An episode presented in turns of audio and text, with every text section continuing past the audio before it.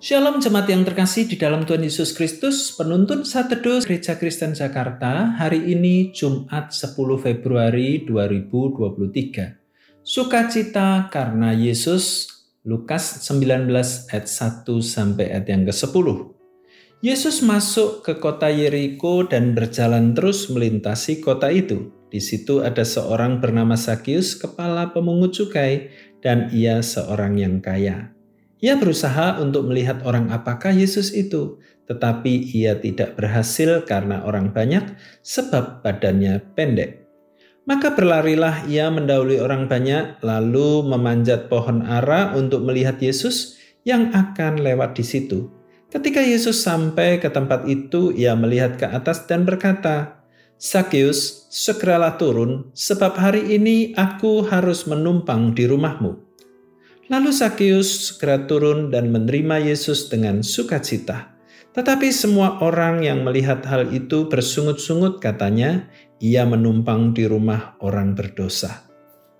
Tetapi Sakius berdiri dan berkata kepada Tuhan, Tuhan, setengah dari milikku akan kuberikan kepada orang miskin, dan sekiranya ada sesuatu yang kuperas dari seseorang akan kukembalikan empat kali lipat. Kata Yesus kepadanya, "Hari ini telah terjadi keselamatan kepada rumah ini, karena orang ini pun anak Abraham, sebab Anak Manusia datang untuk mencari dan menyelamatkan yang hilang." Apa perbedaan antara hidup berintegritas dengan hidup pencitraan? Apakah dampak dari kedua bentuk kehidupan tersebut? Bagaimana Yesus dapat mengintervensi dan mentransformasikan hidup seseorang hingga berubah total dari hidup penuh pencitraan menjadi hidup berintegritas? Untuk menjawab pertanyaan di atas, kita akan menyoroti Sakius. Pencapaian hidup yang dimiliki oleh Sakius adalah hidup yang penuh sukacita karena Yesus. Jika Yesus sanggup mengubah hidupnya sedemikian rupa, maka ia juga sanggup mengubah hidup kita menjadi hidup yang penuh sukacita. Sakeus dilihat dari aspek pencitraannya, jelas kurang memadai. Dia bekerja sebagai pemungut cukai.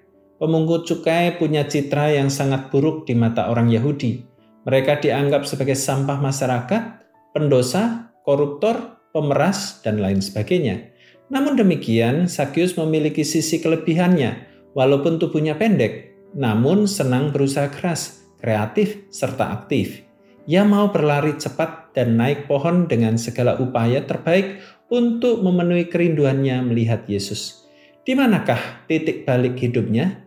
Saat dia mengalami perjumpaan pribadi dengan Yesus, fokusnya tertuju pada Yesus. Begitu pula Yesus berfokus dan mencari Zakius.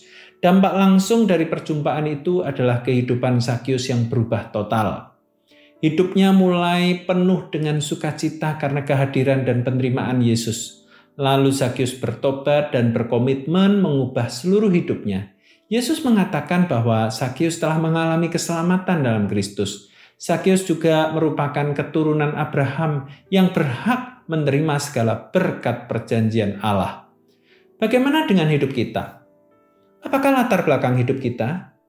Datanglah pada Yesus dan alami transformasi dari Yesus. Dia sanggup mentransformasikan hidup kita. Yesus ingin kita puas dan bersuka cita dalam Dia selamanya. Karenanya, ambil langkah yang tepat dan cepat untuk meraih anugerah dan segala berkat terbaik dan terbesar yang Kristus sediakan bagi kita. Kristus telah sediakan keselamatan dan sukacita sejati bagi kita. Perjumpaan pribadi dengan Yesus adalah titik balik transformasi hidup sejati. Selamat beraktivitas, Tuhan Yesus memberkati.